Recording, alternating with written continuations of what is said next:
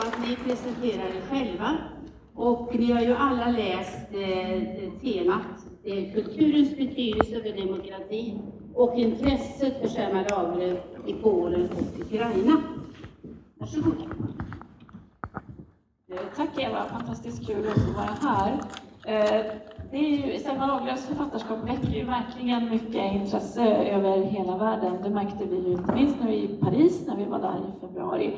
Och det är som vi hörde en ny översättning på engelska har kommit av Nils Holgersson. En ny översättning av eh, Nils Holgersson på franska är också på väg i en stor klassikerserie med eh, klassiker från över hela världen. Där ska den ingå. Vi hör av Anna här också att den senaste översättningen av Nils Holgersson på ukrainska kom 2015.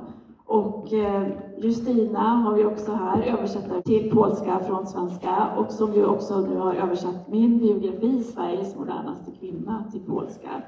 Så det är vi också väldigt glada över. Och vi, det kändes angeläget för oss att få samlas här idag tillsammans med Anna Lysenko från Ukraina som sedan i april bor i Stockholm. Du har studerat svenska flera år i Kiev. Du bor i Kiev, dina föräldrar är kvar i Kiev. Och Justina, översättare från svenska till polska. Du översatt också nu senast en novellsamling där en novell av Selma Lagerlöf ingår. Och eh, Lisbeth Stenberg, och vi ska ha ett samtal här. Och det är ju så att man kan inte glömma nu var, var man än går idag, tycker jag, att vi står på något sätt inför en ny situation i Europa för vår generation och för yngre generationer. Vi, har all, vi hade ju aldrig kunnat föreställa oss vid murens fall 1989 att vi återigen skulle få uppleva ett anfallskrig i Europa och också få uppleva liksom hur hörnstenarna i den europeiska kulturen, upplysning, frihet, jämlikhet och syskonskap hotas. Och vi är väldigt, väldigt glada över att ha fått den här möjligheten att få diskutera kulturens betydelse för demokratin och intresset för Selma Lagerlöf, alltså, som ju är ett författarskap som verkligen står för försoning och kärlek och frid och hur vi uppnår dessa värdefulla hörnstenar i, i våra liv. Det är ju någonting som hennes författarskap verkligen centrerar kring. Och eh, Justina Szyszowska, Anna Lysenko och vi skulle även ha haft med oss Sofie Engström som är lektor i svenska nu i Krakow sedan 2019. Men innan det arbetade hon nio år som svensk lektor i Lviv. Och vi tror att hennes insatser där, för att också väcka intresse för Selma Lagerlöf, är en förklaring till att vi vet att vi har haft väldigt mycket besök på hemsidan just från Ukraina. Eh, och vi vill också prata om just förutsättningarna för kulturutbyten och universitetsstudier i svenska och möten då med Selma Lagerlöf i Polen och Ukraina. Eh, och då frågar vi oss, eh, kultur och demokrati, det är ju inte någonting som man brukar förknippa. Vi, vi talar ju politik. Och eh, valrörelsen pågår i Sverige och har pågått i Almedalen. Och när partiledarna höll sina tal Eh, så var det många som eh, tävlade om att göra sin tolkning av det här. Och folkhemmet är ju den centrala symbolen och det har ju pågått länge en kamp. Folkhemmet, är det rött, grönt, blått, brunt? Men eh, berättelser skapas ju av politiker, men de som är bäst på att skapa berättelser, det är ju författarna. Och det var ju Selma Lagerlöf då som har skapat, det vet vi ju, bilden av Sverige som en enhet med Nils Holgersson och hjärtat med Jerusalem. Men Selma Lagerlöf själv uttalade sig ju sällan direkt politiskt. Det gjorde hon ju en gång på rösträttskongressen 1911 i Stockholm. Hem och stat. Där hon frågade sig eh, vad har kvinnorna gjort för att förtjäna sin rösträtt? Jo, de har skapat goda hem genom generationer. männen har skapat staten. Hur ser det ut i staten? Kaos och kris, det var det ju på den tiden, det var efter storstrejken och så vidare. Eh, men nu skulle kvinnan komma in som mannens hjälpare i politiken. Det var hennes budskap. Men Selma Lagerlöfs budskap var inte originellt, utan det var den äldre kvinnorörelsens budskap. Ni vet, den som startade i USA 1848. 1852 så kom den kanske mest kända politiska boken som haft störst betydelse, Onkel Toms stuga av Harriet Beecher Stowe. Och det hjälpte ju till att lyfta slaverifrågan och det fick ju stora konsekvenser. Men i den traditionen så har ju kvinnor skrivit länge. Och eh, Stor frammanar en utopi om en värld utan våld, en värld av kärlek. Kärleksbudskapet eh, skulle kunna ses som konservativt, men här skulle det inte bara handla om en familj, utan om ett helt samhälle. Och där vill jag se då Selma Lagerlöfs stora betydelse som att det här är kvinnorörelsen var ju en internationell rörelse. Det här är kvinnorörelsens ideologi. Vi har inte fått någon credit för det när det gäller folkhemmet i Sverige, men det är de idéerna som har funnits med. Och eh, det här glöms i historieskrivningen. Och det är fortfarande glömt, men det är det som gör att det finns en stor spridning och ett intresse för Selma Lagerlöf, tror jag, över världen. Och det kan vi ju se i olika förmedlare och översättare ifrån den tiden och idag. Vi har ett samband. Det hänger ihop. Det är en internationell rörelse och det måste vi hålla på. För kultur skapar ju sammanhållning i ett samhälle. Och den kan skapa det och vara demokratisk för vidsynthet och tolerans.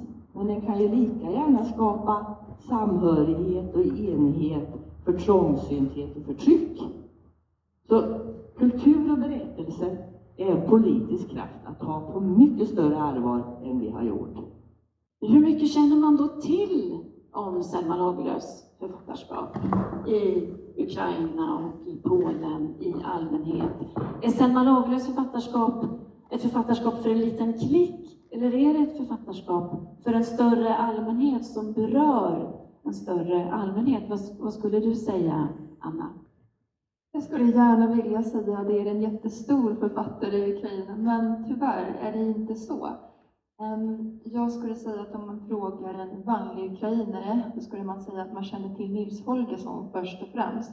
Och jag tror att tyvärr är det inte tack vare ehm, Selma Lagerlöfs bok, utan lite mer tack vare filmen som man hade i den sovjetiska unionen. Det är en tecknad film som var jättepopulär, så den där kontinuerliga traditionen finns fortfarande.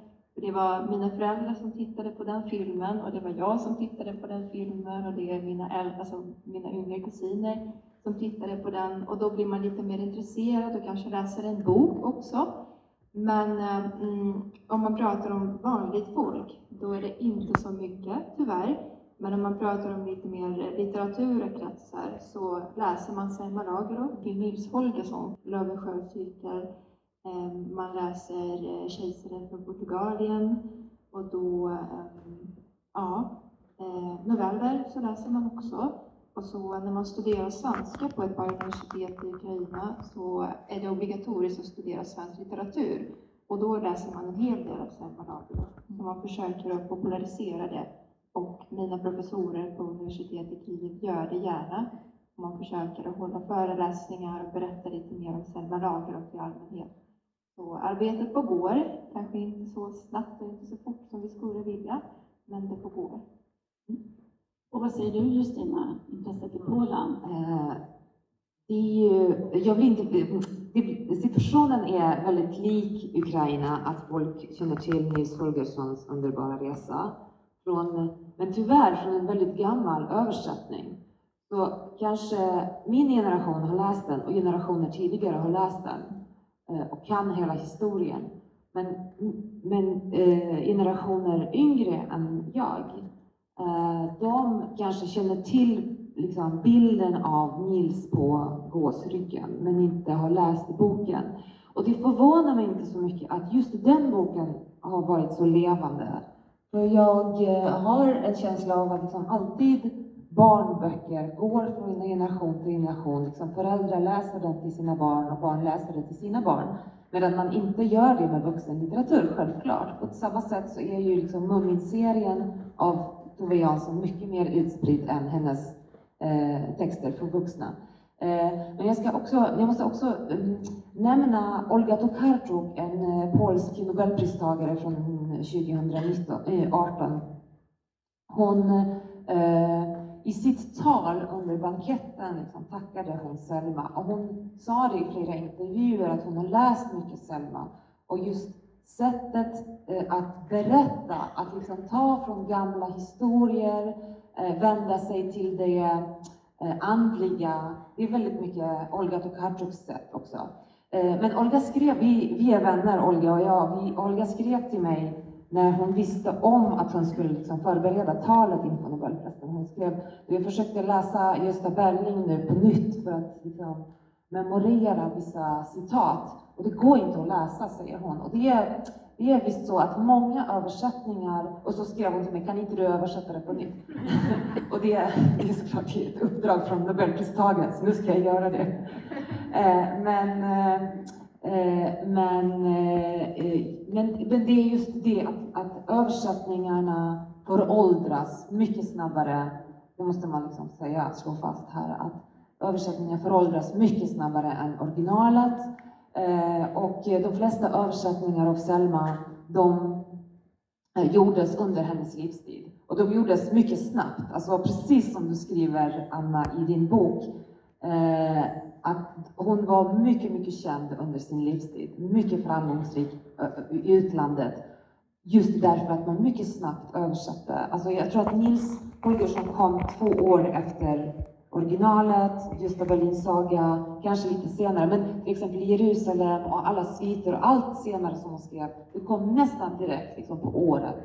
Eh, men det måste man göra om, alltså man ska göra om det och jag tror att eh, framförallt efter att biografin har kommit ut har det liksom dykt mycket intresse, för hennes liv väcker så mycket, det förstår ni alla, att hennes liv framförallt väcker så stort intresse. Så när jag har, eh, när jag har lanserat boken och talat om det så har det väldigt ofta, och jag har, jag har frågats eh, vad tycker du att man ska läsa av Selma? Och tyvärr så måste jag ofta svara att ni kan läsa det och det och det, men jag tror att ni kommer att vara besvikna för att de översättningar, de är, de är förkortade. Alltså man gjorde, det var en annan stil på översättning då tidigare, för hundra år sedan. Tyvärr, eh, men hon, folk känner till henne. Folk känner till henne.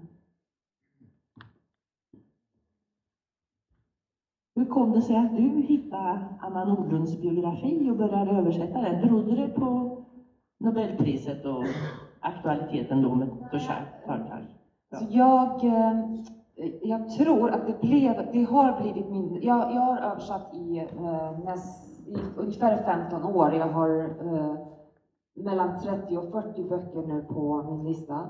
Och, eh, det, det har bara blivit så att jag översätter framförallt kvinnor. Dels därför att jag finner dem mer intressanta och talande till mig eh, och till den polska läsaren som jag då avser är också min läsare då, eh, alltså via översättningen. Men också därför att Eh, alltså jag har läst lite för Ebba Witt-Brattström när jag läste på Stockholms universitet. Och Ebba har lärt mig att, att liksom, även om vi nu bestämmer att alla människor i världen får läsa varannan bok, blir man och kvinna, man och kvinna, man, så kommer vi ändå inte att hinna med att läsa, läsa igen alla kvinnor som skrivit under eh, litteraturhistorien. Eh, så att jag kommer inte att hinna läsa igen, men jag kan eh, översätta så att den, alltså, litteraturhögen med kvinnor blir lite, lite större. Och, och, och, på det sättet så har jag liksom intresserat mig för svenska stora, viktiga kvinnor. Och när Annas bok eh, kom så läste jag den direkt när den kom och det var innan vi visste om att, att, att Olga skulle få priset. Jag läste Annas bok och jag läste Anna-Karin Spalms bok också. För att liksom, jag hade redan då en idé att mm, det hade varit intressant att ha den boken på polska. Eh, och Annas bok eh, tycktes mig mycket mer för större publik än bara svensk publik som har möjlighet att läsa Selma vid sidan om. Alltså Anna-Karin Palms eh, biografi eh, var lite mer skriven för en riktig litteraturintresserad person medan Anna Nordlunds biografi eh, den, den handlar så mycket mer än bara om Selma. Den handlar om hennes livstid, om den, om den epok som hon levde under. Den handlar väldigt mycket om Sverige, om Sveriges samhälle, Sveriges historia, politik, eh, emancipation. Eh, det handlar mycket om pengar, liksom hur man hanterade pengar till exempel, så en författarinna kunde hantera sin eh, budget. Eh, det handlar om framgång. Liksom, den, den boken, den, eh, den, den fann jag vara en fantastisk läsning. Och därför så eh, tyckte jag direkt att jag skulle finna en eh, förläggare för den i Polen. Och, då, och samtidigt som jag läste boken, så förber, eller började översätta boken, så, så förberedde sig Olga Tokarczuk för sitt tal, så vi hade liksom ett utbyte där. Jag skrev till henne då och då att vet du eh, vad Selma gjorde och vet du vad hände i Selmas liv? Och det var, det var ju lite spännande. En, jag tycker det är en rolig anekdot att boken kom ut nu. Så. Hur tänker du Justina till, kring Selma Lagerlöfs liv och också då författarskapet och Selma Lagerlöf då som, som just analytiker av sin tids samhälle och som en frihetskämpe får man ju faktiskt säga just för kvinnors rättigheter under hennes tid. Kan det på något sätt också idag vara ett inlägg i debatter som pågår i Polen kring frihet och kring demokrati? Och, och vad skulle du i så fall säga i Selma Lagerlöfs produktion skulle kunna stötta den frihetskampen idag? Nej, men just, det, just det att hon var väldigt medveten om att hon kan använda sin eh, framgång till att Alltså, till att eh, driva fram frågan och få frågan att bli hörd i sådana sällskap dit ingen annan kvinna skulle eh, få plats, skulle liksom bli ens bjuden. Eh, och hon var väldigt medveten om det. Och det, eh, det tycker jag att hon eh, faktiskt kunde som utnyttja på rätt sätt. Samtidigt, alltså ibland så känns ärligt sagt så, så känns det ibland att hon skulle kunna gjort mer. Eller hur? Med sin ställning, med sin, alltså, med sina, hon hade, alltså hennes röst hade kunnat vara mycket mer hörd än Strindbergs röst, Hamsuns röst och alla de andra manliga röster. Men hon, men då hade hon tagit tid från sitt skrivande. Och samtidigt var ju hennes strategi också på något vis att spränga etablissemanget inifrån. Inifrån, ja just det. Ja, absolut. Finns det en sån rörelse i Polen idag?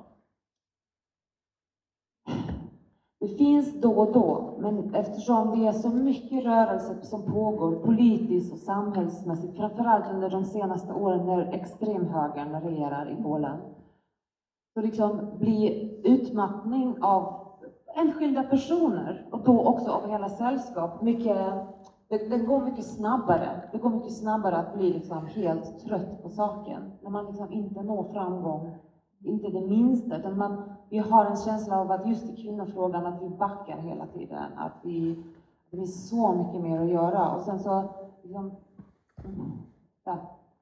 Lyckligtvis så tror vi att den yngre generationen, den som kommer att rösta kanske om två år eller sex år, att det det är den som kommer att nå lite längre. Men, eh, men just det här att spränga inifrån. Olga är en sån person, för hon är väldigt Även innan Nobelpris, eh, Nobelpriset så var Olga Tokarczuk mycket, mycket känd och hörd och sådär samhällsmedveten författare och en eh, allmän person, så att säga, offentlig person som, som folk eh, lyssnare, inte lyssnade på, men hade alltid en åsikt liksom, för eller emot det hon sagt. Så att, eh, och hon engagerar sig mycket i, inte bara kvinnofrågan, miljöfrågan, eh, djurfrågan och mycket annat. Men hon är också en sån, då måste jag tillägga att Olga är också en sån som liksom säger att okej, okay, från, från 8 till 11 sysslar jag med politik. Men sen måste jag liksom ha tid att, eh, hon är väldigt tydlig med det, att hon måste ha tid för sig själv och för sitt skrivande. Och det är det som... Och att det är i författarskapet man Ja. framförallt verkar politiskt. Ja. Jag tänkte vi också skulle återknyta till, till Ukraina och, och Polen, för att det, det finns ju också väldigt mycket gemensam historia i Polen och Ukraina. Och det är ju en historia av nedslagna uppror och starkt förtryck under Ryssland och Sovjetunionen och Nazityskland. Och varken Ukraina eller Polen har ju någon lång demokratisk stark tradition. Och hur, skulle ni båda beskriva där kulturens betydelse för frihet och demokrati i era länder? Hur, hur liksom används kulturen för att bedriva politik? För kultur, precis som Lisbeth var inne på i inledningen här, kan ju annekteras och användas på väldigt många olika sätt. Skulle ni vilja ge en bild snabbt av det, hur kulturen liksom används? Har använts, om vi börjar med Ukraina, Anna, i befrielsekampen i Ukraina sedan 2013? Mm. Sedan 2013 och till och med tidigare så tror jag har eh, kultur haft en jättestor betydelse för eh, demokratiska värderingar och frihet och självständighet. Och det är inte bara politiska aktivister som försöker att driva dessa idéer utan till och med kulturarbetare som författare och de som är engagerade i teaterverksamhet och filmindustri. Och eh, det har alltid varit så att det var just de som uttryckte idéer eh, av ett fritt land och ett fritt folk och demokratiska värderingar, ett demokratiskt samhälle utan förtryck. Och då, de har alltid haft ett jätteaktivt bemötande av eh, typ vanligt folk, alltså vanliga människor. Och jag tror att dessa idéer ofta var så starka och så aktiva och bemötande var så intensivt att eh, den politiska toppen förstod ofta att typ, det enda sättet att stoppa det och inte typ tillåta en, hur kan man säga, det främjande av dessa idéer bland människor var egentligen bara att skicka dessa författare eller till exempel teaterarbetare till några avlägsna delar av Ryssland till exempel och då utsatte de för tortyr och värda var, eftersom dessa idéer var så starka och de sprids ju så snabbt liksom att det, det går inte bara att typ sätta stopp på det utan att mörda personer som sprider det. Och i Ukraina så hade vi till exempel på 30-talet en stor grupp av författare och kulturarbetare som eh, man kan översätta som den avrättade renässansen. Alltså renässansen eftersom de försökte komma tillbaka till den genuina ukrainska kulturen på 20-30-talet. Och då, de var jätteomtyckta av folk, alltså av publiken. Och då, ja, det var bara så, ja, ungefär 50-60 personer som bara skickades ut och mördades. Och då, på samma tid tror jag det visar att liksom, kulturen är så viktig att liksom det enda sättet att sätta stopp på det är egentligen bara att bli av med människor som sprider dessa idéer. Det går inte annars. Ehm, men då tycker jag att kulturen, när det gäller demokrati, så är det bara att eh, kulturarbetare också utvidgar gränser av det man får prata om och inte får prata om, får tänka på och inte får tänka på. Och jag tror att liksom från eh, den sovjetiska tiden så har det ofta varit så att man inte fick prata om någonting, för då skulle man bara bli gripen och ja, då ser man aldrig den här personen längre. Ehm, och då till exempel på 90-talet tror jag hade vi, alltså vi har fortfarande författaren Zaborsko och så hon till exempel skrev en bok som hette eh, ”Fieldwork in Ukrainian Sex till exempel. Och på den tiden var det någonting så provokativt och vitt, alltså bara namnet. Ehm, att eh, alltså publicister, förlag, de pratade liksom, får vi publicera det i allmänhet? Liksom, får vi inte göra det? Och eh, hon skriver också till exempel om destruktiva, våldsamma relationer och så kvinnorollen. Eh, och då, på den tiden var det jätteprovokativt, men jag tror att det också typ med det här verket så visar man att man får prata om det och då börjar man prata om det, om ja, sådana här grejer, alltså kvinnans roll i samhället. Eh, och då tycker jag det är jätteviktigt. Eh, och kulturen, alltså, alltså kulturarbetare håller alltid politiker på tårna, skulle jag säga. Liksom man, man eh, riktar landet i en viss riktning till demokrati. Och särskilt efter revolutionen har det varit jättestarkt, att man, får, att man fick lite skydd av lagar, av politiker, eftersom för ett par år sedan så fick vi många lagar som skyddar den ukrainska kulturen, eh, särskilt i medieutrymme till exempel. För, typ, för tio år sedan så var det jättesvårt att skapa ukrainska filmer och ja, skriva ukrainska låtar till exempel. Man kunde göra det, Men det nådde aldrig fram till publiken. Man ja, bara släppte inte ut det på TV till exempel, eller på radio. Men för ett par år sedan så fick vi några lagar som skyddar det. Och jag tycker det är jätteviktigt att det är det här samspelet mellan kulturarbetare och politiker. Det är alltid lite tvåsidigt.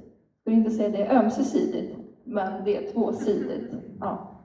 Och, och vad säger du, eh, Justina, om det, detta tvåsid, denna tvåsidiga relation i Polen mellan politiken och... Eh, alltså jag ska, framförallt så ska jag påminna om att Polen har ju eh, varit under delning under 130 år, från slutet på 1700-talet till slutet på första världskriget. Så Polen existerade inte, till exempel under Selmas tid existerade inte Polen alls. Men det fanns polsk kultur, därför att kulturen behölls eh, av eh, språket framförallt, som var visserligen förbjuden att, att tryckas, publiceras, talas, undervisas och så vidare och så vidare. Eh, under vissa perioder olika hårt var, var förbudet, men, och det var också olika hårt beroende på om det var Österrike, Ungern, Preussen eller Ryssland som det delade eh, eh, biten fanns under. Men under den tiden så fortsatte ju bland annat författare att skriva på polska. Chopin levde under den tiden. Han liksom talade hela tiden om det, att han tillhörde den polska kulturen och vände tillbaka i sina kompositioner tillbaka till, till Polen. Så att kulturen eh, under den tiden behöll liksom, polska känslan, idén om Polen. Det var liksom, framförallt eh, inte politik, för det fanns, fanns inte polsk politik. Det fanns ingen polsk eh, ekonomi, det fanns ingen polsk eh, Eh, armé eller liksom något, förutom just kultur. Så det var det enda då. Och likadant under kommunisttiden, att det fanns, eh, när det var en mycket strikt eh, censur. Vi hade inte det så värst som ni under, Sovjet, eh, under Sovjettiden, men, Eh, men vi hade fortfarande censur och det var den största delen av polsk kultur som fortfarande lever och som liksom är värd att, att eh, behålla levande, som skapades under kommunisttiden. Den kom fram, eller åtminstone publicerades, fick liksom se dagens ljus utanför Polens gränser. Och den, eh, den enade, alltså det är lite svårt att säga vilken, vilken eh, betydelse det har för, för demokratin, men den har en stor betydelse för att behålla eh, en samhörighetskänsla för ett folk. Samtidigt så, så, så, tycker jag personligen att det är lite, det är lite svårt att säga om ett, att prata om ett folk som en, en nation, för jag gillar inte nationbegreppet överhuvudtaget nu för tiden. Men så, så, här kan jag svara. utan också påminna om att, att för att återkomma till, till Selma, om att, om att kultur är lika med civilisation. Och civilisationsbegreppet som Anna, du har beskrivit i boken, att det är precis motsatsen till krig och, eh, mm, och det hemska som skapar kriget. Hon, hon, hon tyckte att, att kultur är, på, och på det sättet så förstår jag att liksom, kultur är motsats till all sån stor eh, vapenkonflikt där man, där man liksom föraktar den ena Och civilisation bygger man ju också genom förståelse över nationsgränserna. Det är viktigt att tänka att litteraturen och kulturen är inte bara någonting för vårt folk och vårt land, utan det är också någonting som ska skapa förståelse över nationsgränserna.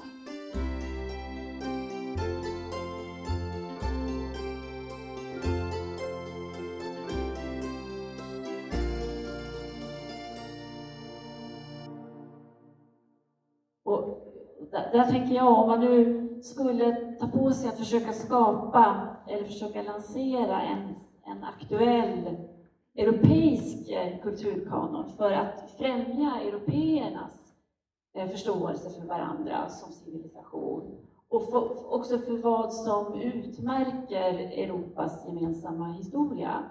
Men också den här splittringen och de utmaningar som vi har sett i Europa genom historien. Då skulle jag vilja fråga er, vad, vad, vad, skulle ni välja för verk?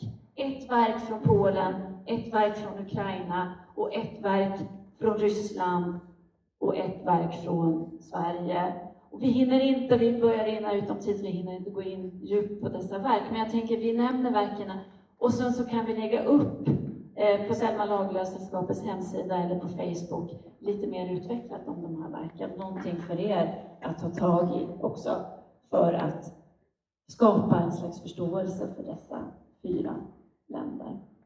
Jag skulle säga att för eh, Ukraina så skulle jag välja deras författare Ivan Bahrani och så deras verk som heter Prologo på ukrainska, men jag skulle säga att det är Tigerfångare på svenska. Och det säger inte så mycket om man inte har läst den här boken, men om man har läst då, alltså det är ganska logiskt. Ehm, och då för, för Polen så skulle jag välja en film som heter På topp på polska, men det är översvämningen kanske på, på, på, på svenska antar jag.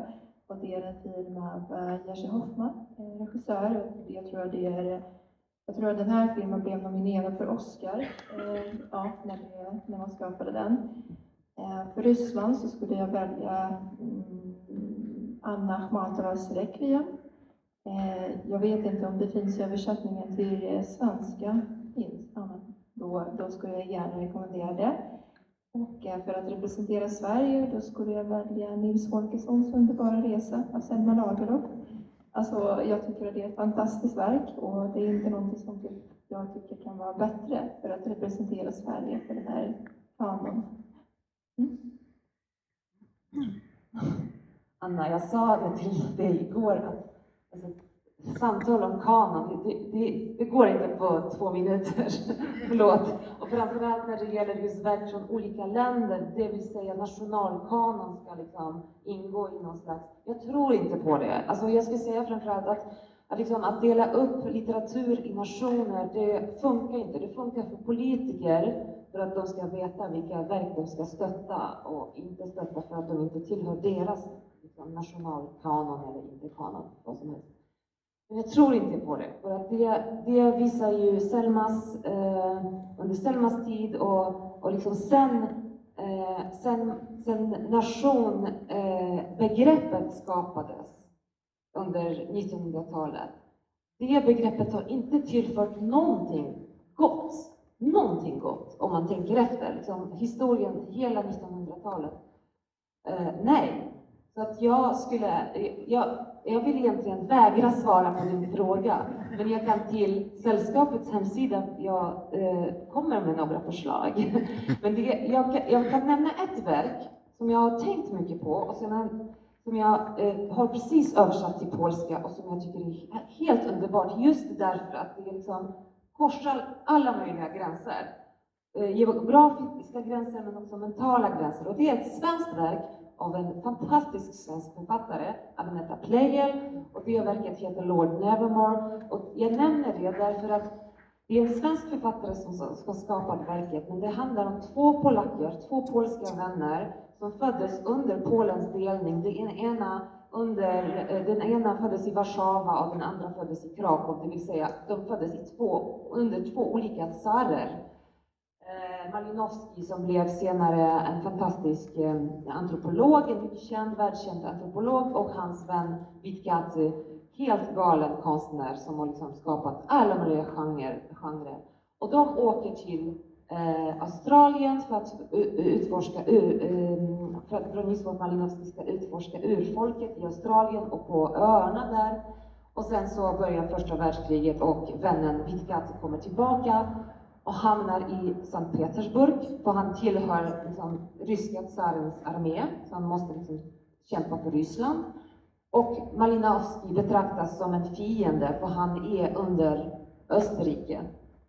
Han behandlas, han sitter i fängelse i Australien när de kommer fram, för då hade första världskriget bröt ut.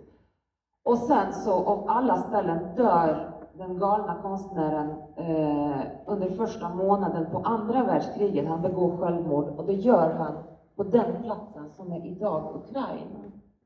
Så att liksom det är ett verk som jag... Och den handlar framförallt om manligt, kvinnligt, om själen och kroppen, om, om världen, om kosmos. Utan gränser och liksom utan nationer. Och jag tycker det är så underbart. Så, Lord Nevermore och vi får följa upp detta på, på hemsidan.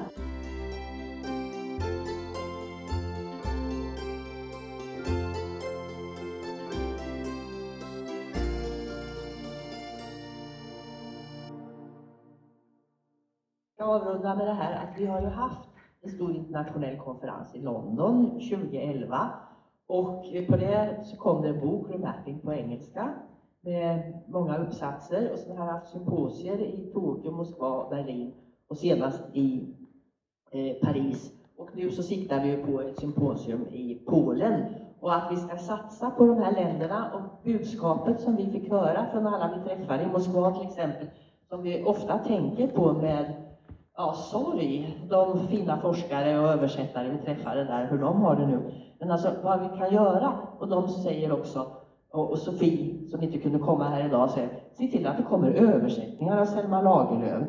Och vi vill också ha översättningar av ukrainsk litteratur och polsk litteratur. Och vi behöver inse att det här är en internationell rörelse. Den äldre kvinnorörelsens idéer, de behövs fortfarande och det knyter oss samman. Så vi får se oss som en internationell rörelse där Selma är en storhet som hon var på rösträttskongressen 1911. Vi får kämpa för att lyfta fram de här idéerna tillsammans. Det är mäns våld mot kvinnor och det är fred och samlevnad. Ja, vi, vi får tacka och eh, det, det internationella intresset är stort. Jag ser också i publiken faktiskt, jag vill introducera Elisabeth Howard eh, som är forskare i Selma Lagerlöfs författarskap från USA, så vi har även besök från USA här. Tack så mycket.